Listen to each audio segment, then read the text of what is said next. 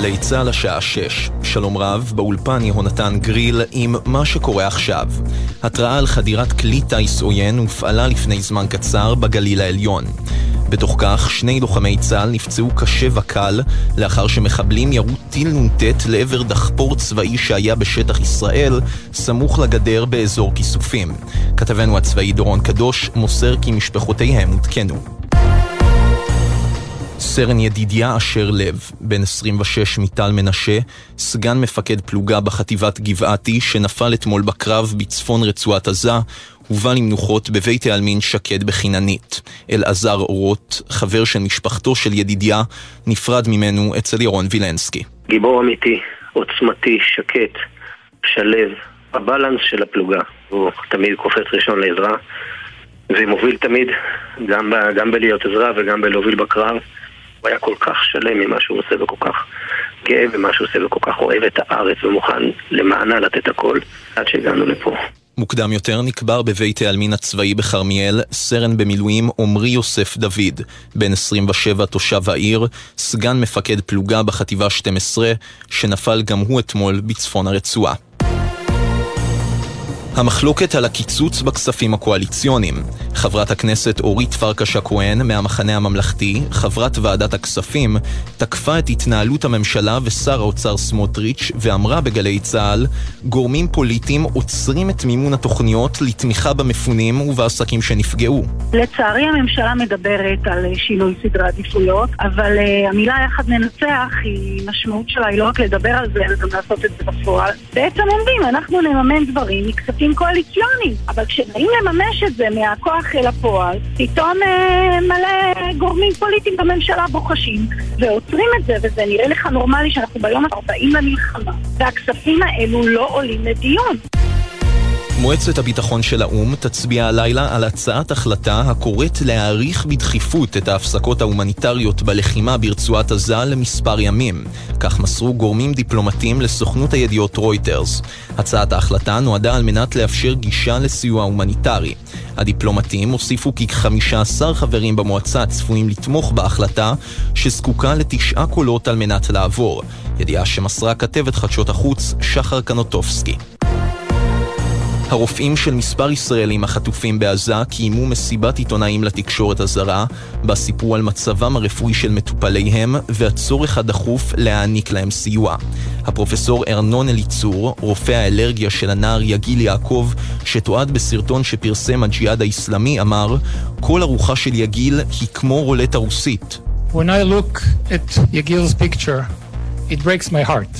Yagil has a peanut allergy. Yagil could not and would not trust them.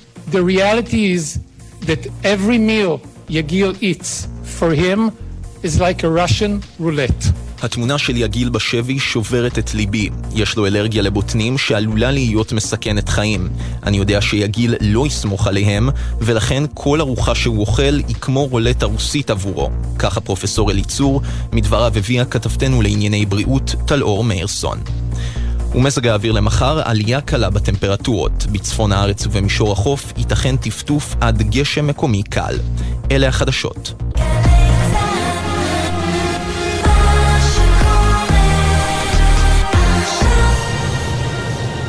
בחסות אוטודיפו, המציעה מצברים לרכב עד השעה תשע בערב בסניפי הרשת, כולל התקנה חינם. כי כדי להחליף מצבר, לא צריך להחליף לשעות עבודה יותר נוחות. אוטודיפו. ישראל במלחמה עכשיו בגלי צה"ל, ישראל פישר עם החזית הכלכלית. שש וארבע דקות בגלי צה"ל, אנחנו החזית הכלכלית, יום נוסף של לחימה בשטח, וכן, יום נוסף גם של צורך בעמידה כלכלית של המדינה, יום שבו בנק ישראל מפרסם דוח חריף מאוד, חריג אפילו הייתי אומר, על המדיניות התקציבית של משרד האוצר. יום שבו אנחנו ראינו את הדולר ממשיך להיחלש, אבל זה לא בגלל שהשקל חזק, אלא בעיקר בגלל מה שקורה בארצות הברית. אנחנו החזית הכלכלית מתחילים. אנחנו uh, פותחים עם uh, ועדת הכספים, שמצד אחד אישרה היום את uh, הרחבת מתווה הפיצויים uh, לעד 40 קילומטרים מרצועת עזה. מצד שני ראינו שם גם היום עוד uh, הרבה ויכוחים וסערות שהיו שם. שלום לך חבר הכנסת ולדימיר בליאק, מרכז האופוזיציה בוועדת הכספים יש עתיד. שלום ישראל, ערב טוב. אתה, אנחנו יודעים שוועדת הכספים, לקח לה הרבה מאוד זמן להתניע עד שהתחילה לדון בכל המתווה פיצויים הזה. אתה חושב שסוף סוף חלחלה הבנה שצריכים פעולה מהירה והיא עכשיו מתפקדת כמו שצריך? אני לא בטוח, קודם כל אנחנו באמת uh, חוקקנו את החוק uh, באיחור uh, להערכתי של לפחות עשרה ימים. היינו יכולים לעשות את זה הרבה לפני אם לא היה את אירוע המשונה ששר האוצר ושר הכלכלה הסתובבו בכנסת כל אחד עם המתווה משלו. אבל היום אכן אישרנו את התקנות ואני מאוד מקווה שמיום ראשון כבר יהיה אפשר להגיש uh, uh, תביעות לפיצויים. אבל מעבר לזה היה את האירוע המוזר עם העברות תקציביות למנהלת התקומה זהו, זה, זה, בוא, אז בוא נדבר על זה רגע. צריך להסביר רגע שיש, אה, אישרו העברה של 470 מיליון שקלים, אבל אז משרד האוצר משך פתאום חלק מהסכום ולא בטוח שאפשר להעביר את כולו. יש אה, שתי העברות תקציביות שתקועות ועדה כבר עשרה ימים. אחת מהן זה, זה העברה ל-274 מיליון שקל להקמה של המנהלת, להקמה של המנהלת. והיא לא עולה לאישור, והיום אה, באמת נציג אגף התקציבים אמר, אמר שהם לא יכולים להשתמש ב-470 מיליון שקל שאישרנו היום לפעילות המנהלת, כי לא אישרנו את הכסף להקמה, והכסף של ההקמה הוא תקוע, לא נעים להגיד, בגלל הוויכוח סביב, סביב הכספים הקואליציוניים, כי המקור של הכסף הזה הוא מהכספים הקואליציוניים של החינוך החרדי. ואנחנו מכירים את הסיפור שעכשיו מתרחש סביב הכספים הקואליציוניים והכוונה של שר האוצר בעצם לשמר את השמנת הקואליציונית לפחות 80% מהכסף הזה, גם ב-2003 וגם ב... 2024, וזה פשוט מקומם, כי הכסף הזה הוא חייב לשמש היום את, את השיקום של העוטף. אנחנו, אנחנו 40 ימים במלחמה, ובאמת אני לא מבין איך הדבר הזה יכול להתרחש. הגיע הזמן שישחררו את הכסף, והמנהלת היא... תתחיל לעבוד. רגע, בוא נחדד. המינהלת, תקציב ההקמה לא עבר למינהלת, היא לא יכול, אי אפשר להעביר לה גם את התקציב שאושר היום, אז, אז מאיזה תקציב רוצים משרד האוצר שהמינהלת תעבוד? א', אני לא יודע, אבל אגף התקציבים, אגף התקציבים, נציג אגף התקציבים אמר היום בוועדה באופן, לפרוטוקול, באופן הכי ברור, שמשרד האוצר לא יכול להשתמש עכשיו ב-470 מיליון שקל, כי לא אושר את התקציב הקודם להקמה של המנהלת. ובתקציב ההקמה הוא, הוא תקוע בגלל הכספים קואליציוניים. ולכן עד שהסיפור הזה, הסיפור הזה ייפתר, כנראה המנהלת לא יכולה לפעול בצורה תקינה ומהירה, וזה פשוט בלתי נסבל. אז כלומר, בינתיים יש לנו הצהרות על החשיבות של שיקום עוטף עזה וכמה המדינה נותנת לשיקום עוטף עזה וכמה היא תומכת בעוטף עזה, אבל בפועל המדינה לא, לא יכולה להעביר כסף וזה דיבורים באוויר. אז בפועל, אז בפועל עכשיו זה, זה 470 ועוד 274, 744 מיליון שקל תקועים בוועדת הכספים בגלל המשחקים הפוליטיים של שר האוצר וכנראה גם יושב ראש ועדת הכספים שלא מוכנים לשחרר את הכספים הקואליציוניים. ואתה דיברת בהתחלה על הדוח של בנק ישראל וזו נקודה מאוד מאוד חשובה, כי, כי אם אנחנו לא ננצל, לפני שאנחנו מגדילים את הגירעון, וברור לגמרי שנצטרך להגדיל את הגירעון, אבל אם אנחנו לא מנצלים את כל המשאבים שיש לנו היום בקופת המדינה, זה כמובן ישפיע בצורה רעה מאוד על, על, על, על חברות הדירוג, ואנחנו באמת מסתכנים פה בהורדת הדירוג. ובזה צריך להבין. הקואליציה, הממשלה, הם חייבים לשחרר את הכספים הקואליציוניים לצורכי החזית והעורף עכשיו. אי אפשר להתמהמה יותר, אי אפשר לשחק יותר. אז זה משפיע על המפונים, זה משפיע על בעלי בתי מלון, שאני עוד לא פגשתי בעל בית מלון אחד שמארח את המפונים שהוא קיבל uh, את מלוא הכסף מהמדינה. ועכשיו זה גם משפיע על, על מנהלת העוטף. אבל שר האוצר אומר שאין צורך אחד שלא נשאר מתוקצב. היום היום בדיוק בוועדת הכלכלה בבוקר היה, היה דיון על הכספים למפונים, על אותם 200 שקל למבוגר ו-100 שקל לילד, שגם זה עדיין לא, לא עובד כי אין עדיין רשימות וגם הכסף הזה עדיין לא עובר. יש הרבה מאוד כספים שתקועים כרגע בגלל המשחקים הפוליטיים והמנהלת התקומה, זה רק דוגמה אחת. אה, היו עוד, היו, אני, אני לא יודע, רוב האנשים לא, המאזינים לא יודעים איך מתנהלת העברת, אה, כן. או העברות הכספים אה, תקציביות. בעצם יושבים בוועדה, מקריאים סעיפים אחד אחרי השני, יושב ראש הוועדה גפני שואל מי בעד, מי נגד, מי נמנע, וככה בעצם יש שינויים תקציביים. היום באחד הסעיפים, דווקא סעיף שאתה התנגדת לו, פתאום שומעים על העברות של עודפים משנת 2022 למשרד ראש הממשלה, כולל 30 מיליון שקלים לשיפוץ מעון ראש הממשלה. אתה הבנת מה זה הסעיף הזה? קודם כל אני לא מבין למה 30 מיליון שקל, זה, זה סכום עצום, אפשר לבנות לדעתי בית ראש ממשלה חדש, אני לא יודע למה צריך כל כך הרבה כסף.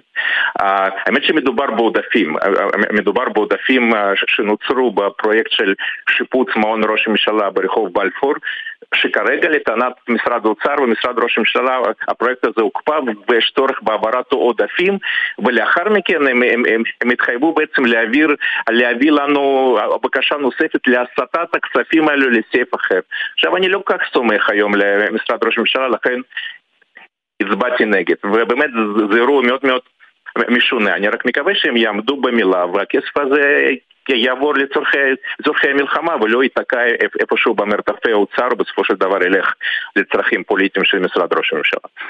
היום אה, חלק מהרחבת מתווה הפיצויים, אה, גילינו גם שאילת, המתווה המלא, המורחב והשלם, שהכניסו גם את באר שבע ואשדוד למרות המחלוקת, גילינו שאילת נשארת בחוץ וגם היה שם אה, בעצם דיון מהותי מאוד על הכללת כל היישובים, למשל של המועצה האזורית אשכול. שמענו שם גם את ראש המועצה ירקוני שהוא מתבטא בחריפות מאוד נגד הממשלה וועדת הכספים, וגם ראשי מועצות אחרים שהם גם משדות נגב. מה יקרה עם זה? מה קורה עם זה? כי יש הרי הבדל בין הקו של 0 עד 7 מרצועת עזה והקו של 7 עד 40, ושם בעצם יש מועצה אזורית אחת, יישובים שנפגעו, שיש הפרדה בין הזכויות שמגיעות למפונים ולתושבים מהם.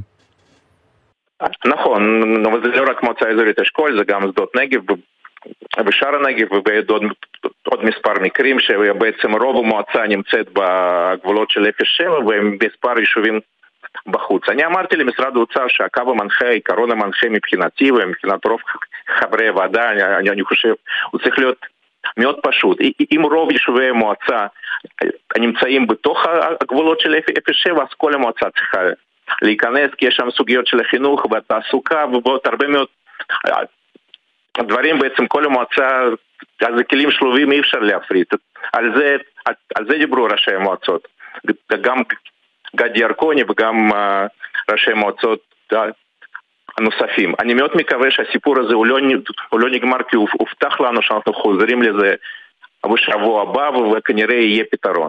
עכשיו לגבי אילת, אילת uh, מאוד נפגעה בשבועות האחרונים, יש שם uh, ירידה מעל 40% בפעילות עסקית ומכיוון שמקרה של אילת הוא לא מתאים לקריטריונים הקיימים בחוק של הפיצויים, אז התעקשתי שיהיה מתווה מותאם לאילת, וזה הובטח לי גם על ידי גפני וגם על ידי משרד האוצר. אני אני אתעקש על זה ואני מאוד מקווה שבעשרת הימים הקרובים יהיה מות...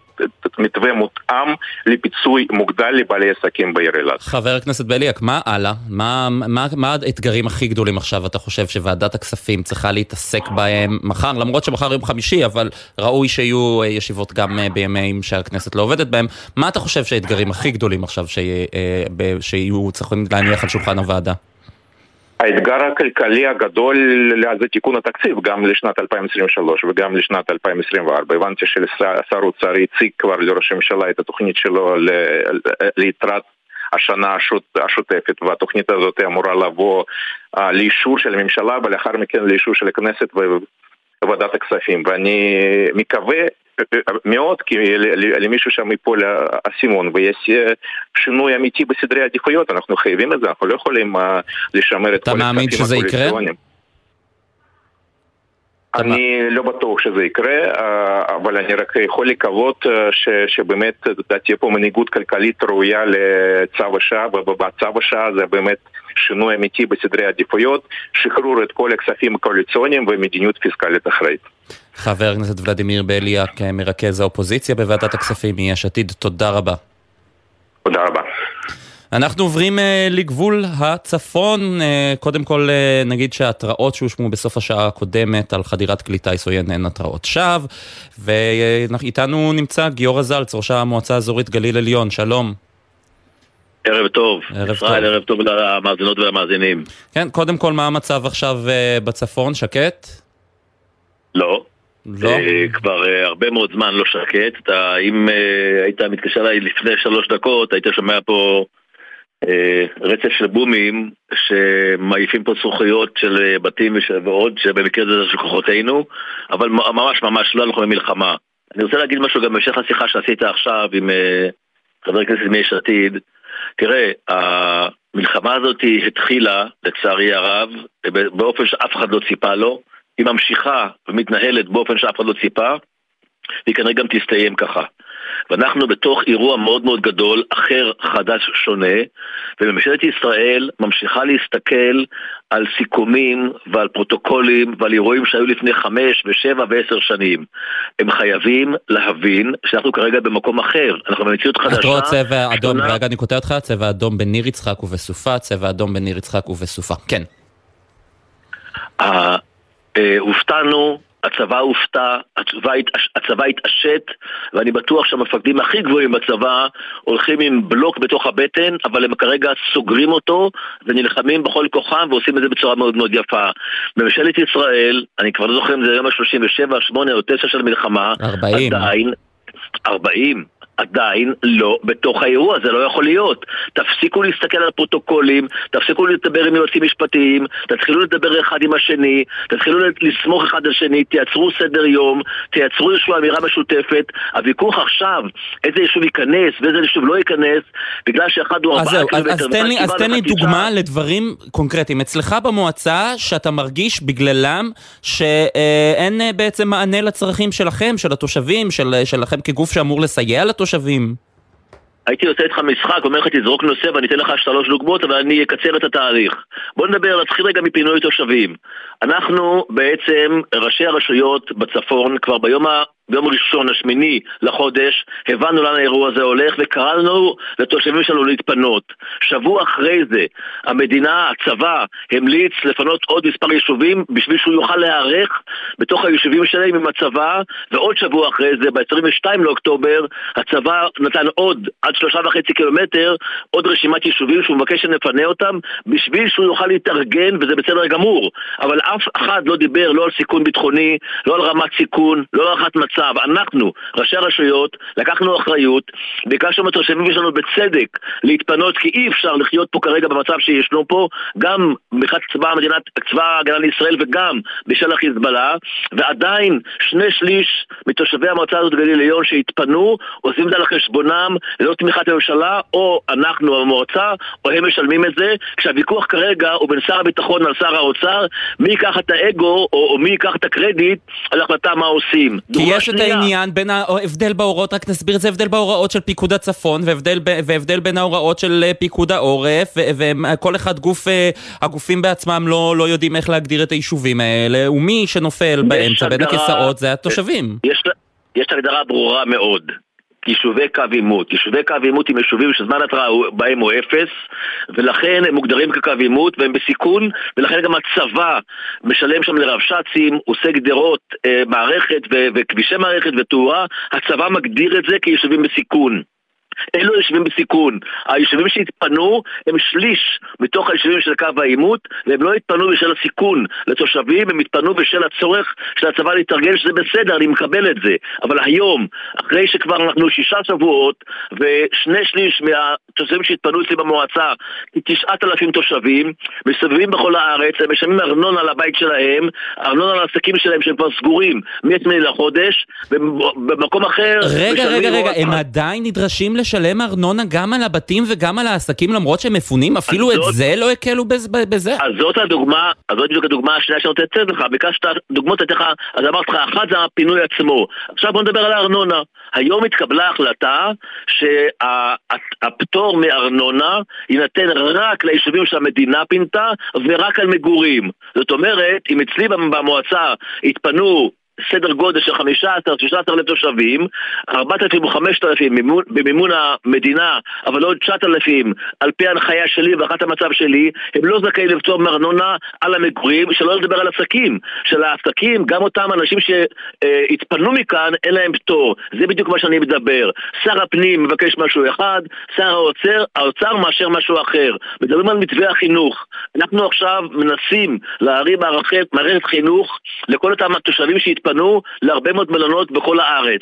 אז יש ויכוח בין שר החינוך לשר האוצר, לשר הביטחון, אין פה שום יד מנהלת, אין פה שום סדר יום, ובממשלת ישראל, ביום ה-40 למלחמה, עדיין, לא רק שלא הבינה שבמלחמה, גם יש שרים שרוצים, אני אומר את זה בכנות, לא לטיפת ציניות, רוצים ומתאמצים לעזור, אבל הם לא יכולים, כי הם מתנפצים. אתה דיברת עם ראש הממשלה, אתה דיברת עם שר האוצר בנושאים האלה, מה אתה שומע מהם?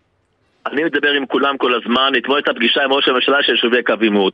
אמרנו לו, עוד פעם ועוד פעם, אדוני ראש הממשלה, הממשלה שלך לא מתנהלת, לא מנוהלת, אין שום סדר יום, אין אף אחד שנותן הנחיות, השרים לא מדברים אחד עם השני, כל אחד מנסה לפעול בתחום שלו כן או לא, אין שום אה, אה, חשיבה משותפת, אין שום סדר יום, אין שום התנהלות, ואני אומר לך שוב פעם, המרחב האזרחי, שהוא כל כך חשוב לחוסן הכללי, לחוסן הציבורי, בשביל שהצבא יוכל לפעול כמו שהוא צריך גם בדרום, ואני מקווה גם בעתיד בצפון. נכון להיום, הצבא, עם כל הבומבה שהוא חטף ב-7 לאוקטובר, התעשת, מתפקד.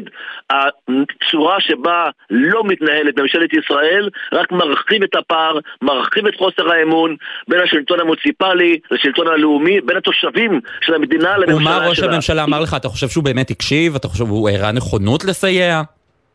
אני לא אה, פסיכולוג ולא סוציולוג, אני אומר שוב פעם, במבחן התוצאה, אחרי שאתמול דיברנו ואמרנו, וראש הממשלה, אני חושב, נפל לו האסימון עד כמה חוסר התפקוד הזה הוא קריטי והוא פוגע בביטחון המדינה, התעררנו הבוקר להחלטה של ארנונה רק למפונים ורק למגורים, המשכנו בהחלטה של ועדת הכספים על פיצויים לחלק מהיישובים ולחלק מהיישובים. לא, מה עוד צריך לקרות בשביל שנבין שכסף שלא נוציא עכשיו לטובת אותם כל התושבים שנפגעו מאז השביעי לאוקטובר, אם לא נוציא את הכסף הזה עכשיו, נוציא הרבה יותר בעוד שנה, בעוד שנתיים, בעוד חמש, על תושבים שלא ירצו לחזור ליישובים שלהם, על תושבים שיפגעו נפשית ופסיכולוגית, על תושבים שיעבדו מקור פרנסה מה עוד צריך להבין בשביל לדעת כרגע, חבר'ה, קודם כל, תפתחו את התקציב, תשחררו תקציב לראשי הרשויות, תיתנו לראשי הרשויות לנצח. אתם רוצים, אני אומר באמת בלי ציניות, אתם רוצים לעזור, אתם יש לכם רצון טוב, אני אומר לשרים ולחברי הכנסת, אין לכם את היכולת, אין לכם את הידע, אין לכם את ההיכרות, בעיקר אין לכם את המנהיגות שנדרשת כרגע להוביל מהלכים. תיתנו כן. לנו, ראשי הרשויות, את הסמכויות, את התקציבים, אנחנו נהנה את המרחב הציבורי, תנהלו אתם את המלחמה, שגם את זה כרגע אני לא רוצה להתייחס לאיך שמנהלים את זה, אבל אני אגיד, בוא נגיד שהמלחמה מתנהלת כרגע. תיתנו לנו את אפשרות לנהל את המרחב הציבורי, כי הפערים שנגרמים כרגע, חוסר האמון של התושבים בממשלה שלהם, במדינה שלהם, הולך ומתרחב במקום שיהיה הפוך. ולכן כן. אני אומר שוב פעם, בצורה הכי הכי ברורה, לראש הממשלה, אנא, לתפוס מנהיגות, אם אתה עסוק מדי, אם אתה לא יכול, אם קשה לך, תמצא מישהו אחר בתוך הממשלה, מחוץ לממשלה, שיעשה את זה במקומך. לא יכול להיות שהמרחב הציבורי ממשיך לפעול רק על בסיס אה, אה, ארגוני מתנדבים, על בסיס אה, ראשי רשויות שלוקחים אחריות ויוזמה. ואנחנו, המועצה שלי כן. היום, כן, המועצה שלי היום רק עוד משפט אחד ברשותך, המועצה שלי, הגליל עליון, היא לא מועצה גדולה, היא 23 אלף תושבים, 29 יישובים, 50 קילומטר גבול, הוציאה נכון להיום כ-26 מיליון שקל על התחייבויות ועל הוצאות בגין המלחמה הזאתי מהתקציב הממשלתי שקיבלנו עד עכשיו הוא סביב 8 מיליון שקל. אי אפשר לאורך זמן ככה לנהל את המערכה הזאת. אני קורא לראש הממשלה, אני קורא לשרים, אני קורא לכנסת, אנא, תכניסו את השקע לתקע, תתחברו לאירוע. אתם לא מחוברים. כן. אה, גיורא זלץ, ראש המועצה האזורית גליל עליון, תודה רבה, בהחלט דברים חשובים. תודה לכם.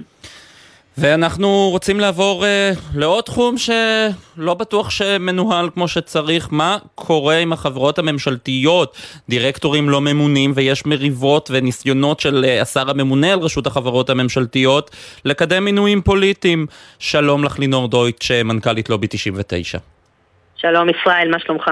אני בסדר גמור, אבל את, אתם בלובי מוטרדים מאוד ממה שקורה בחברות הממשלתיות. אה, נכון, זה אחד מיני נושאים רבים שאנחנו... נושאים רבים לא אה, חסרים, אה, כן. נכון. ספציפית פה אנחנו פשוט חשוב להבין שבעצם בימים אלה ממש הגיע בעצם אתמול, יום שלישי, לא, ביום שני, סליחה, שלשום, הגיע לכנסת בעצם חוק שהוא נקרא בשם הטכני ומשעמם של אה, חוק אה, אה, הארכת מועדים, שמדבר על הארכת אה, כל מיני דברים במסגרת החקיקה. אחד מהדברים שהוא ניסה לבטל זה למשל את האפשרות להגיש חופש מידע במסגרת אה, תקופת המלחמה, זה נגיד סעיף שהצלחנו להילחם ולהוריד אותו, אנחנו וארגונים נוספים, אבל כן יש סעיפים אחרים, ואחד המרכזיים שעליהם בעצם אנחנו נלחמים, זה בעצם הנושא של הארכת המינויים בדירקטוריונים והורדת הקוורום, ואני אסביר מה זה אומר, כי זה נשמע נורא טכני ומשעמם, אבל זה סופר משמעותי. בעצם השר הרלוונטי דודי אמסלם כבר תקופה מאוד ארוכה. קוורום זה אומר שמתחת למספר מסוים של חברי דירקטוריון הוא לא יכול להתכנס, ובחברה נכון. כמו חברת חשמל למשל, שהיא חשובה מאוד, זה אומר שאי אפשר לקבל החלטות של חיי מועצת המנהלים. בדיוק, עכשיו אנחנו מדברים כמו, צריך להבין שחברות ממשלתיות, שזה נשמע כמו איזה משהו גנרי שכאילו את מי זה מעניין, זה החיים עצמם, זה חשמל, זה מים, זה רכבת, זה דואר, זה כל מה שנדרש לתפקוד, אה, אה, בטח בזמן שגרה ובטח ובטח בזמן מלחמה. צריך להבין שבלי חשמל אין מלחמה, אין כיפת ברזל, אין בתי חולים, אין, אה, כאילו, אם, אם חס וחלילה באמת נופל, חברת החשמל לא מתפקדת או לא נופלת, אנחנו, אין לנו פה כלום, הכל קורס. אז זה לא איזה משהו שולי, שכבר שנתיים אין שם יו"ר, ולא ממונים דירקטורים, כאשר מתוך מכסה של 21 יש כיום שמונה דירקטורים, כשארבעה מהם אמורים לסיים כהונה בחודש הבא, והקוורום הנדרש, המספר המינימלי אה, הנדרש, הוא שבעה אנשים. אז מה עושים? מצד אחד אומרים, אוקיי, בוא נאריך אוטומטית את הכהונות בכל החברות הממשלתיות, שזה עוד איך שזה היגיון, אבל אז, בגלל שגם אז אין את הקוורום הנדרש, אומרים, אוקיי, אז נבטל את הקוורום. החוק בעצם אומר, איפה שאין קוורום יוכלו להתקבל החלטות ללא הקוורום המינימלי. זה אומר שבעצם נותנים פרס, בעצם הכנסת הולכת לתת, אם הדבר הזה יעבור כמו שהוא, זה מנהל לא תקין, זה לתת פרס למנהל uh, גרוע.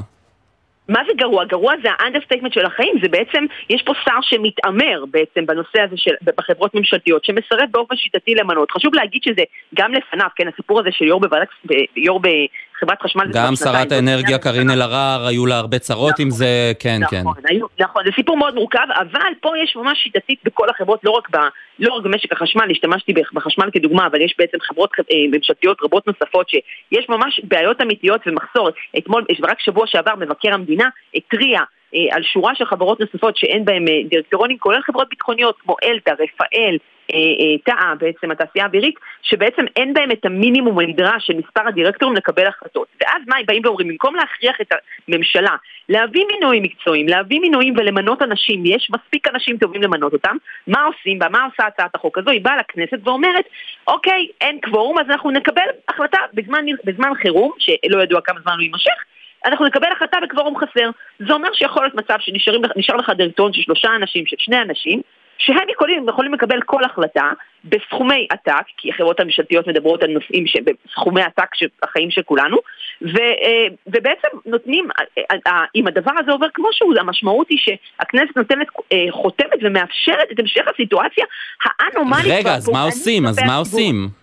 אז אנחנו ממש פועלים בימים אלה, ממש הדיון, אה, בעצם אתמול היה דיון נוסף ומחר יש עוד דיון בוועדת חוקה אצל שמחה רוטמן, שאנחנו מנסים לשכנע אותו ואת חברי אה, הוועדה הנוספים בעצם להכניס סייגים, יש דרכים, אנחנו ממש גם הצענו, אנחנו תמיד אומרים לא רק מה הבעיה אלא גם מה הפתרון, ואנחנו ממש הצענו אה, אה, סייגים לנוסח הזה שאומר, אוקיי, אנחנו מבינים שיש מצב חירום, אנחנו רוצים להחזיר את אמון הציבור במערכת, אנחנו, אוקיי, אז בזמן, זמן, אה, אה, ביניים אנחנו נאריך, אבל במקביל הכנסת חייבת לחייב, לחייב בעצם אה, אה, מינוי חדשים. אז איך עושים את זה? למשל, הנה דוגמה, אתה יכול להחליט שכל החלטה של קוורום, אה, קוורום חסר, תחייב אישור של רשות החברות הממשלתיות, אתה יכול לחייב שאישור יינתן רק אם, רק אם, אה, אה, רק אם מוכיחים שמתקיימים הליכי מינויים דירקטורים חדשים, אתה חייב, יכול לחייב בשקיפות שהרשות תפרסם באתר שלה את כל ההחלטות שהתקבלו בקוורום חסר, אתה יכול לחייב שהחלטות שאושרו בקוורום חסר יהיו חייבות לקבל אישור מחדש בזמן שמתמנה דירקטוריון בהרכב חוקי, תוך 30 יום.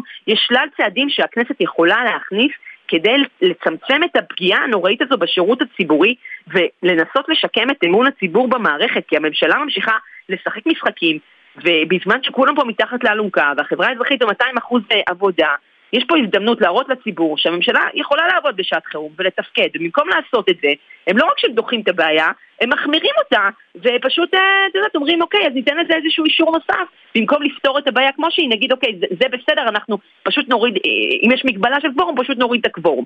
וזה לא דרך של התנהלות, ואני מאוד מקווה שיו"ר הוועדה שמחה רוטמן לא ייתן לזה את ידו, אה, וש, ושהכנסת לא תיתן לזה את החותמת הכשרות הזאת, ועל זה אנחנו פועלים. גם במלחמה צריך לשמור על מנהל תקין, לינור דויטש. בסוף יש פה מדינה שצריכה להתנהל פה גם תוך כדי מלחמה וגם ביום שאחרי, והעורף צריך לתפקד וככה אי אפשר לתפקד. לינור דויטש, מנכ"לית לובי 99, תודה רבה. תודה רבה ישראלי. אנחנו יוצאים לכמה הודעות, מיד חוזרים עם נתוני מדד המחירים לצרכן שמתפרסמים ממש עכשיו, כבר עכשיו אפשר להגיד שמדד המחירים לצרכן עלה באוקטובר בחצי אחוז בהתאם לתחזיות, וקצב האינפלציה השנתי ירד לשלושה אחוזים ושבע עשיריות, הנתונים מתייחסים לחודש המלחמה הראשון, אנחנו מיד חוזרים. אתם מאזינים לגלי צה"ל. אוניברסיטת בר אילן הקימה למען הקהל הרחב קו חם לתמיכה רגשית. פסיכולוגים ועובדים סוציאליים כאן בשבילכם. חפשו בגוגל הקו החם בר אילן. תושבי גבול הצפון, אם פוניתם מבתיכם, שימו לב, כדי לסייע לכם להתמודד עם המצב, מוצעת גם לכם שורת הקלות, ובהן אפשרות לדחיית הלוואות ומשכנתאות, פטור מעמלות והקלה בריבית על משיכת יתר. לרשימת היישובים ולמידע על ההקלות המיוחדות לאוכלוסיות שנפגעו, היכנסו לאתר בנק ישראל. אם התפניתם מבתיכם מכוח החלטת הממשלה, יש לכם כתובת. משרד התיירות מפעיל מערך המספק לכם פתרון אירוח במימון מלא. למעדיפים פתרונות שהייה שאינם בהסדר המדינה, אנו מציעים מענק של 200 שקלים למבוגר ו-100 שקלים לילד עד גיל 18 לכל יום ממועד הפינוי הרשמי ועד החזרה לשגרה. מדובר בסכום של 18,000 שקלים ל-30 יום למשפחה של ארבע נפשות. לפרטים נוספים ולהגשת בקשה, היכנסו לאתר הביטוח הלאומי, משרד התיירות. הכתובת שלכם בדרך לניצחון. בימים כאלה אין דבר יותר מרגיע מקולה של אימא. גלי צה"ל מחבקת את האימהות במתכונת מיוחדת של קולה של אימא. כמו אהבה של אימא. בכל יום, מראשון עד חמישי, בשבע בערב, ובשישי בעשר בבוקר, עם ניידת השידור, מבסיסים ברחבי הארץ. רוצים למסור דשים בשידור? כתבו לנו בוואטסאפ 052-920-2323. גלי צה"ל פה איתכם, כל מקום, כל הזמן. עכשיו בגלי צה"ל, ישראל פישר עם החזית הכלכלית. שלום לכם, חזרנו, כמו שאמרנו, נדבר גם על אה, מדד המחירים לצרכן שפורסם וגם על אה, הרבה מאוד דברים אה, תקציביים שיש איתנו, נמצא פרופסור צבי אקשטיין, ראש מכון אהרון למדיניות כלכלית באוניברסיטת רייכמן, שלום, ערב טוב. ערב טוב, ערב טוב לך ולמאזינים. כן, קודם כל ברשותך אני רוצה להתייחס לנתוני מדד המחירים לצרכן שפורסמו ממש לפני שתי דקות וחצי. חצי אחוז עלייה באוקטובר, קצב האינפלציה השנתי יורד לשלושה אחוזים ושבע עשיריות, מה זה אומר? למעשה שאנחנו באינפלציה מעל היעד של בנק ישראל. עד כמה שאני מבין לא, זאת לא הפתעה יחסית לתחזיות של הכלכלנים, אבל הציפיות לאינפלציה גם של התחזיות וגם של שוק ההון הם שהאינפלציה בשנה הקרובה תרד מתחת לשלושה אחוז ואלה הבשורות היותר טובות כי אנחנו צופים שתהיה ירידה באינפלציה. אני חושב שגם המצב הכלכלי באופן כללי יגרום לירידה במחירים. כי אנשים אין להם מצב רוח לצרוך עכשיו, יש הרבה אנשים שנפגעו כלכלית, אז הם קונים פחות ואז תהיה ירידת מחירים, זו, זו החשיבה, נכון? בין היתר, גם יש קצת תיסוף של השקל, כבר אנחנו רואים, באופן כללי, רצו, בתקופה כזו שיש בעצם, אנחנו נכנסים למיתון רציני במשק. המשק צפוי ברבעון הזה, ברבעון האחרון של 23, יחסית לרבעון הקודם, לרדת בתשעה אחוז, ככה שהצמיחה ב-23 במקום להיות אה, שלושה אחוז תהיה כנראה אחוז, אחוז וחצי, שזה בעצם כניסה כמעט למיתון כלכלי במונחים שנתיים.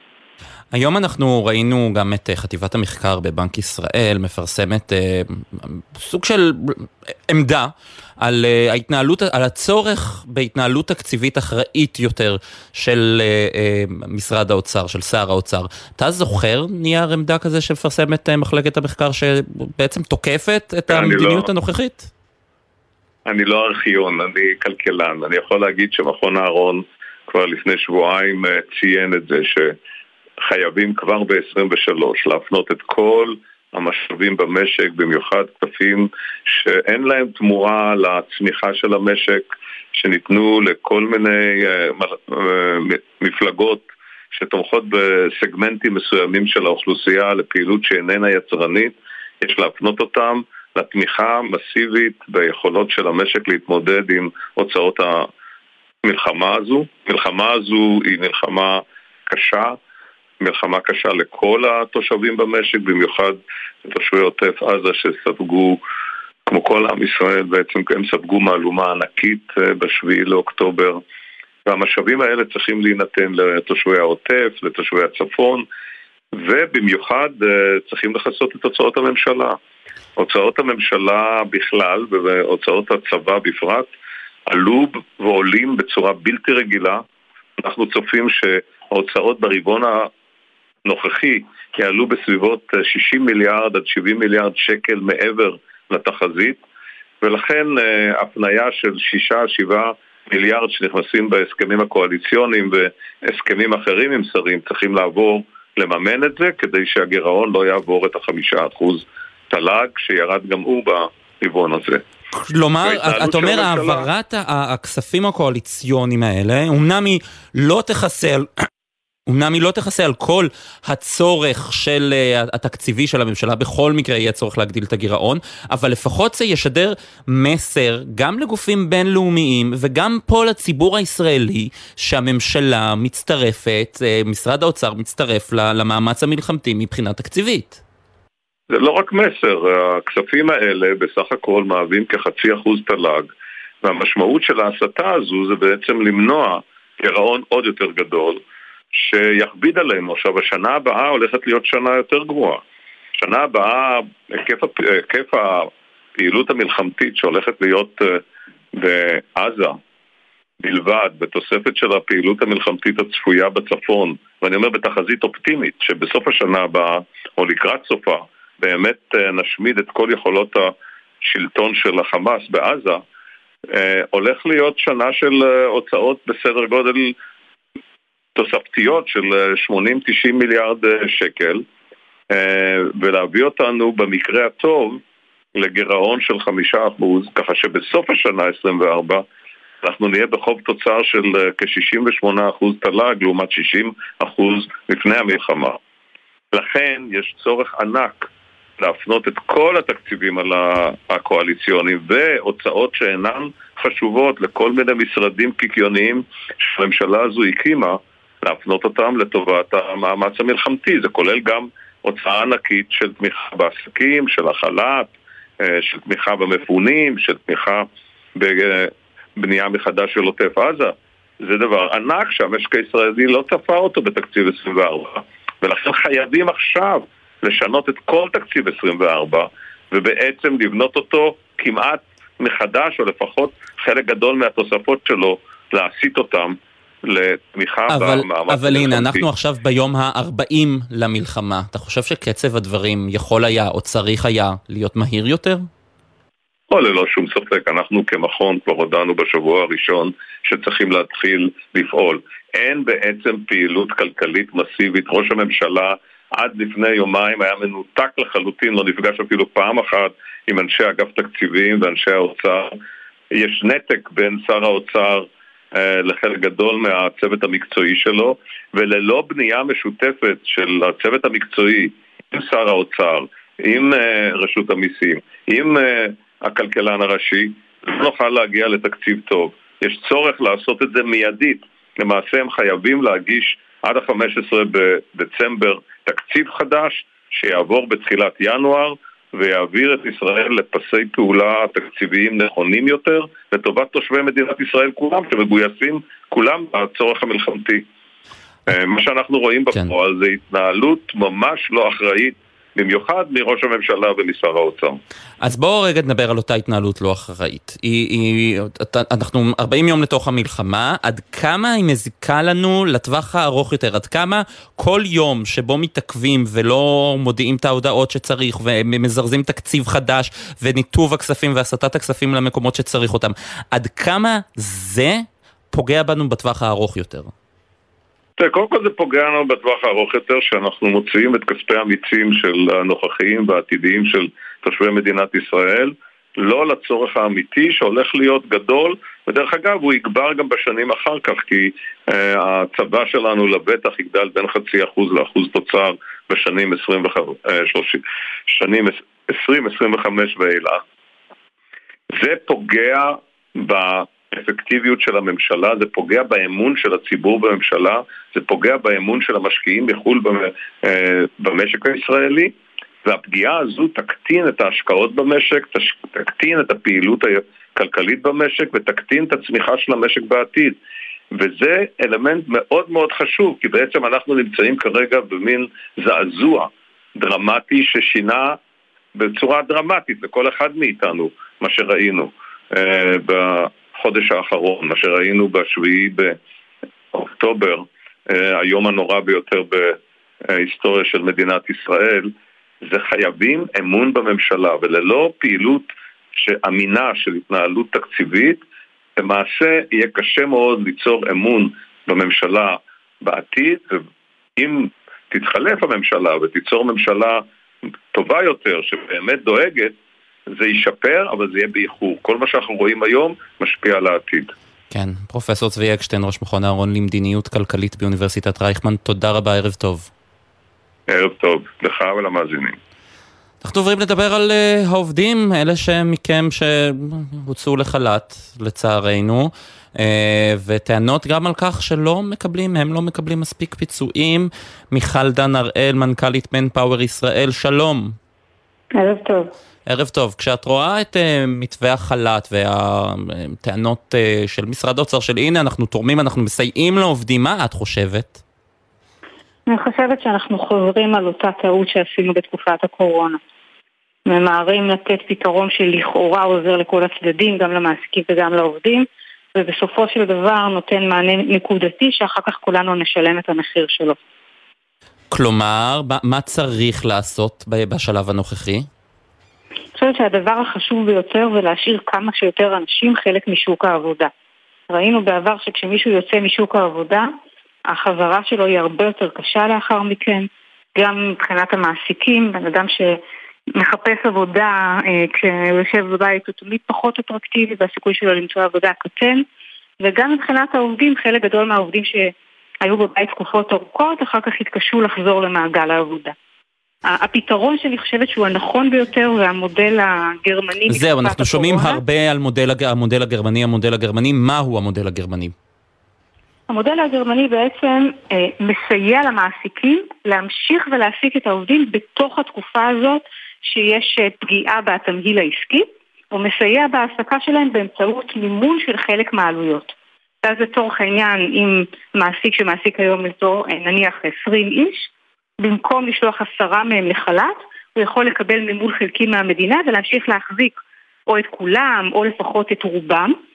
בצורה כזאת גם לשמור את הראש מעל המים, להמשיך אה, אה, בעצם להתקיים כחברה עסקית לכל דבר, גם לאפשר לאנשים להתפרנס בכבוד, להמשיך לעבוד, לצאת מהבית, מה שלא פחות אה, חשוב ומשמעותי לבריאות הנפשית שלנו מה, מהיכולת להשתכר, וגם הסיכוי שבתום התקופה הזאת, שאף אחד מאיתנו לא יודע כמה היא תהיה ארוכה, אותו מעסיק ימשיך להעסיק את אותה כמות עובדים והעובדים האלה ימשיכו לעבוד, גדל משמעותית. את אה, מסתכלת על שוק התעסוקה עכשיו, אילו חלקים נפגעו בעיקר? מה, מה התחומים שחסרים בהם בעיקר עובדים? קודם כל מבחינת פגיעה, יש פגיעה משמעותית גם בדרום וגם בצפון, בעיקר בעסקים נותני שירות, שבעצם קהל הלקוחות הפוטנציאלי שלהם לא נמצא ולא מתגורר. אני לא מדברת רק על יישובים שפונו, אלא גם על על המעגל השני שחלק גדול מהאנשים לא פונו בצורה רשמית אבל עברו לגור באזורים מרוחקים יותר ובעצם אין להם למי לספק שירות. אה, זה תחום אחד. ודבר שני, לא מעט עסקים גם שיושבים במרכז הארץ, בשרון, אה, באזור השפלה, העסקים שם נפגעו כתוצאה משינוי שנקרא בסדרי עדיפויות בתקופה כזאת, ויש פחות מקבלי שירות, ומחזורי העסקים של רוב העסקים קטנו בצורה משמעותית. אבל יש תחומים, יש תחומים ספציפיים שנפגעו יותר, תחומים שאולי חז... הוציאו יותר עובדים לחל"ת, או צריכים יותר עובדים תראה, עכשיו דווקא? התחומים, התחומים הקלאסיים של אה, לצורך העניין מסעדנות ותחומים של בידור כמובן הם היו הראשונים שנפגעו. אה, קניות, אה, הכותרות מה שנקרא, זעקו את כל ההוצאה של מי פוקס וגם רשתות נוספות. אז, אז זה, זה מובן מאליו, ואנחנו שומעים על זה אבל לא, בלא מעט תחומים אחרים. ולא משהו שהוא אה, מתמקד בתחום אה, ספציפי כזה או אחר. ההיקפים ירדו ו... ויש לא מעט מעסיקים שבוחרים באפשרות הזאת. את ניסית אה, להעלות את הנושא של המודל הגרמני למקבלי החלטות או להציף אותו? שמעת משהו? לא, ב, לא בתקופה הזאת. היו על זה הרבה דיונים בתקופת הקורונה, אבל כרגע לא, אה, לא הייתה שום פנייה מצד אה, משרדי הממשלה להתייעץ לשוק העסקי, לא, לא לארגונים ולא, ולא לחברות הפרטיות. בתקופות קודמות היו, היו פניות כאלה, אבל היום. הדיונים וקבלת ההחלטות נעשית בחוג, בחוג הממשלתי המצומצם. מיכל דן הראל, מנכ"לית מנפאוור ישראל, תודה רבה. בשמחה. עינב קרנר, כתבתנו לענייני צרכנות, שלום. שלום ישראל. טוב, יש לנו הרבה נושאים, ממה נתחיל? נתחיל מעדכון אה, תוכנית הפיצויים למפונים, מה היה היום? נכון מאוד ישראל, אז נגיד שהיום אה, אה, שר התיירות חיים כץ הציג את הממצאים של המפונים שנאספו במהלך החודש האחרון מתוכם, מתוך המפונים כ-79 אלף אנשים הגישו ישראל בקשה למענק היומי, אנחנו מדברים על אותו מענק שניתן למי שהתפנה שלא במסגרת המדינה, כלומר לא הלך למלון במסגרת המדינה, אלא התפנה עצמאית. אבל יש פה עוד נתון שבודקים אותו כרגע, אנחנו כמובן נאמר את זה בזהירות, 20 אלף מתוך התושבים נמצאים בתוך המלונות, כלומר הם הגישו בקשה למענק וזה נחשב לבקשה כפולה, כי הם גם מקבלים את המלון וגם אה, הגישו את הבקשה למענק, אבל שוב אני אומרת שאמרתי את זה בזהירות משום שצריך לבדוק את זה, אולי זה טעות של המלונות, אולי רישום לא נכון, אבל לפי שעה כרגע, וזה נתון מאוד מאוד גבוה, אני מזכירה לך שיש אה,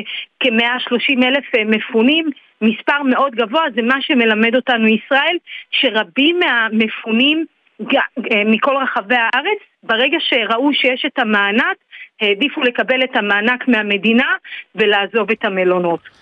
כן, אה, בואי אה, נעבור אה, לשוק הנדל"ן ברשותך. אנחנו ראינו לפני כרבע שעה, יש את מדד המחירים לצרכן, שלצידו מפורסם גם מדד מחירי הנדל"ן. את כתבת הנדל"ן שלנו גם בגלי צה"ל, מה היה במדד? טוב, אז תראה, אז קודם כל, יש בשורה משמחת אה, בתחום מחירי הדירות בכלל העסקאות, כי לראשונה מזה תקופה ארוכה של יותר משנה, רואים בקצב השנתי ישראל ירידה של שתי עשיריות האחוז. אני מזכירה לך שלפני שנה היינו בעלייה של אה, אה, כמעט 20% בקצב השנתי במחירי הדירות, אבל שוב, גם לא צריכים להתלהב אה, כל כך מהר, כי עדיין המחירים בישראל גבוהים מאוד. מבחינת החודשיים, יולי, אה, אוגוסט וספטמבר, המחירים נותרו ללא שינוי, אבל אם נסתכל ככה בפילוח אה, לפי המחוזות, בחיפה ברמה השנתית אנחנו מדברים, המחירים עלו ב-4% אה, בעשירית, בחיפה בשני אחוזים ושמונה עשיריות, אבל שים לב היכן ראינו את הירידות. ברמה השנתית, שוב בקצב השנתי, במחוז הדרום שני אחוזים ושתי עשיריות, במרכז באחוז ושבע עשיריות, וגם בתל אביב המחירים, אה, אומנם אה, ירידה מתונה של שלוש עשיריות האחוז, עדיין זו ירידה, ונגיד מילה לגבי מחירי הדירות החדשות, גם הם בקצב הדו-חודשי נותרו ללא שינוי, עם זאת ברמה השנתית ירידה של כמעט 4%, אם נדייק 3% ב-9 עשיריות, וממש לסיום ישראל עוד נתון שהוא כן. בהחלט מעניין את נוטלי המשכנתאות, זה המדד תשומות הבנייה שמשפיע על נוטלי המשכנתאות, על אותו חלק שעדיין לא נפרע בבנקים, המדד הזה עלה בשתי עשיריות האחוז, בקצב השנתי הוא עלה באחוז בתשע עשיריות, וזה בהחלט עוד הכבדה על נוטלי המשכנתאות, כשאתה מצרף לזה גם את הריבית. גם את הריבית. כן, עינב קרנר, כתבתנו, תודה רבה. תודה, ישראל. ועכשיו אנחנו עוברים לפינתנו מרימים לעסקים, אנחנו מדברים עם עסקים לדרום, רוצים שתשמעו אותם, תקשיבו להם, ואולי תפנו אליהם ותקנו מהם, לחזק אותם. שלום לך לידור בר. היי, מה נשמע? אני בסדר גמור, לך, אה, את אה, הבעלים של אה, נונו בבה, נכון? כן. אז הנה, בואי תספרי, תספרי לנו קצת, קודם כל, מאיפה את בארץ? אני ממושב גבעולים, זה ליד נתיבות. זה ליד נתיבות, וזה מקום שבואי כן. נגיד, לא ממש טוב לעשות שם, או לא ממש חי מבחינה עסקית. לא, בכלל לא. גם מה שפתוח נסגר בחמש-שש, וגם, בכלל, בכלל לא. אה, אה, יש לי סטודיו אה, לבגדי ילדים ותינוקות במושב, אני גם מקבלת וגם עושה אונליין. וכרגע, כמו שזה, המצב, בכלל, אני לא מדברת על אוקטובר שהיה היה אסון, אנחנו עכשיו ככה בחודש נובמבר מנסים ככה קצת אה, אה, להתרומם, אנחנו הולכים אה, לירידים שעושים לנו, תושבי המרכז, האמת אה, אני מקבלת אינסוף פניות. להגיע ובעצם למכור את הסחורה שלנו, אה, כדי שבאמת אנשים אה, יעזרו ויקנו מהעוטף. או, זה, אה, זה, זה גם משהו מחמם שרואים באמת מאוד, התגייסות. מאוד מחמם, אני מקבלת מלא מלא מלא טלפונים. מחר אנחנו גם בכפר שמריהו, יום שישי אנחנו בניר צבי, גם בשבוע הבא ברמת גן, בחולון, בתל אביב. באמת אני מקבלת מלא טלפונים, מלא אנשים רוצים לעשות אה, אה, טוב, וזה ממש מחמם את הלב. כן, אז, אז בואי תספרי לנו מה אפשר למצוא אה, בנונו בבה. איזה סוג בגדים, מה הסגנון, כמה שאפשר לתאר ברדיו. כן, אה, יש לנו אה, קודם כל אתר אה, אונליין, שם אפשר לראות את הכל וגם באינסטגרם. אנחנו מוכרים הכל, מפריטי basic שהם כמו חליפות בית נעימות ונוחות או לגן. עד באמת בגדים לכל חגיגה, פריטים מיוחדים, accessories, גרביים, אביזרי שיער, accessories לעיצוב החדר, באמת יש לנו הכל מהכל. איפה, ביום יום, איפה, איפה את עובדת? איפה העסק נמצא? במושב גבעולים, בתוך אה, משק. אה, זה בתוך משק, ומה קורה כן. אם למשל יש אה, צבע אדום? הרי אני מתאר לעצמי שמשק זה לא ממש המקום הכי ממוגן בעולם. אין לנו, כן, אין לנו ממ"ד, אה, לצערי. אין לנו ממ"ד, ובגלל זה כרגע אנחנו בעבודה אה, חלקית. כאילו, יש לי עובדת שהיא איתי שלוש פעמים בשבוע. כרגע היא לא, היא לא איתי, כי אני לא יכולה לחייב אותה בעצם להגיע ולעבוד כשאין פה מרחב מוגן, אז זה הכל אני עושה. אה, כל זה בזמן שיש לי שתי תינוקות בבית. אה, ושבעלי הוא גם עצמאי, אז הוא גם אה, ככה מנסה לתפוס כל העבודה שמגיעה אליו. ומה בעלך עושה? יש לו מפעל לייצור שלטים. גם לא אין עובדים וגם אין עבודה, אבל ככה מנסים, מזל שהתחום של הבנייה קצת חזר, אז הוא עושה בעצם פרויקטים בגידור ושילוט. הוא, הוא בעצם מגדר את כל האתר בנייה. אה, לפני, כן, לפני, לפני הפעילות. כן. זה גם עסק שנפגע הפעילות. מאוד אה, אה, בתקופה אה, הזו. ועוד אה, אה, אה, עוד משהו, קיבלת איזשהו סיוע מהמדינה, משהו עד עכשיו, עד השלב הנוכחי, כדי לפצות על אובדן ההכנסות הקשה מאוד שהיה באוקטובר וגם עכשיו בנובמבר? אה, לא, לא קיבלתי, גם לא טלפון, אה, לא שום דבר, אה, לא הודעה, לא מייל, כלום. לא, מה, לא משום דבר, לא מביטוח לאומי, לא מהמדינה, משום גורם רשמי שהוא. ניסית לפנות, אולי, אני יודע, לאיזה רשות מקומית אתם משתייכים? שדות נגב. שדות נגב, ואתם לא פוניתם, אתם נשארתם בבית, נכון? נכון, כן. ויש... בבית ללא מגן. אנחנו פונינו עצמאית פשוט, אבל זה כאילו מאיתנו. אה, פוניתם עצמאית בתחילת המלחמה? כן, אנחנו במקרה שהיינו בחו"ל, בחג השני של סוכות, ופשוט שראינו שהמצב, אה, כאילו, היינו אמורים לחזור ביום ראשון, אחרי השבת השחורה, פשוט אה, נשארנו, נשארנו שם אה, אה, קצת, ואז אה, חזרנו, כי לא יכלנו כלכלית אה, להמשיך אה, להישאר שם. אה, אבל אה, האמת נשארתי בגלל שהילדה שלי היא ילדה מאוד אה, מבוהלת, היא אה, ממש לקחה את זה קשה. אני, מעבר לאזעקות גם אנחנו שומעים פה את ההפצצות, כי אנחנו מאוד קרובים, אז כל הפצצה שלנו זה בום שמאוד מרעיד את הבית. כאילו אין לי, אני גרה בבית שהוא לא, אה, זה לא בניין שהוא חזק. כן. אז אה, כן, אז בלילה אנחנו לא ישנים וגם ביום. וואו. טוב, לסיום רק כן. נחזור על אה, איפה אפשר אה, למצוא את אה, נונו בבה, איך אפשר להגיע אליכם?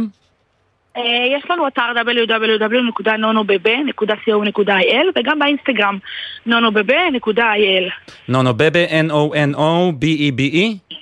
בדיוק, כן. יופי, אז אני מקווה שתחפשו את זה ותמצאו. אה, לידור בר, תודה רבה לך. תודה רבה לך. ערב טוב. אנחנו מסיימים את התוכנית, נגיד תודה לברק בטה שהיה על ההפקה, אלון סמיד ורועי אלמוס על הביצוע הטכני בפיקוח, אילן גביש, עורך הדיגיטל אורן, ישראל, אורן לוי ושי ישראל, מיד אחרינו קולה של אימא עם נעמי רביע. ברקע אתם שומעים אה, ביצוע יפה ומחודש בעיניי לשיר בו הביתה שכתב אבי קורן. הביצוע הזה זה של אה, דן ותמר אקיני. אה, אני חושב שבימים אלה הביצוע הזה מקבל אה, משמעויות נוספות. אני ישראל פישר, אנחנו החזית הכלכלית, ערב טוב.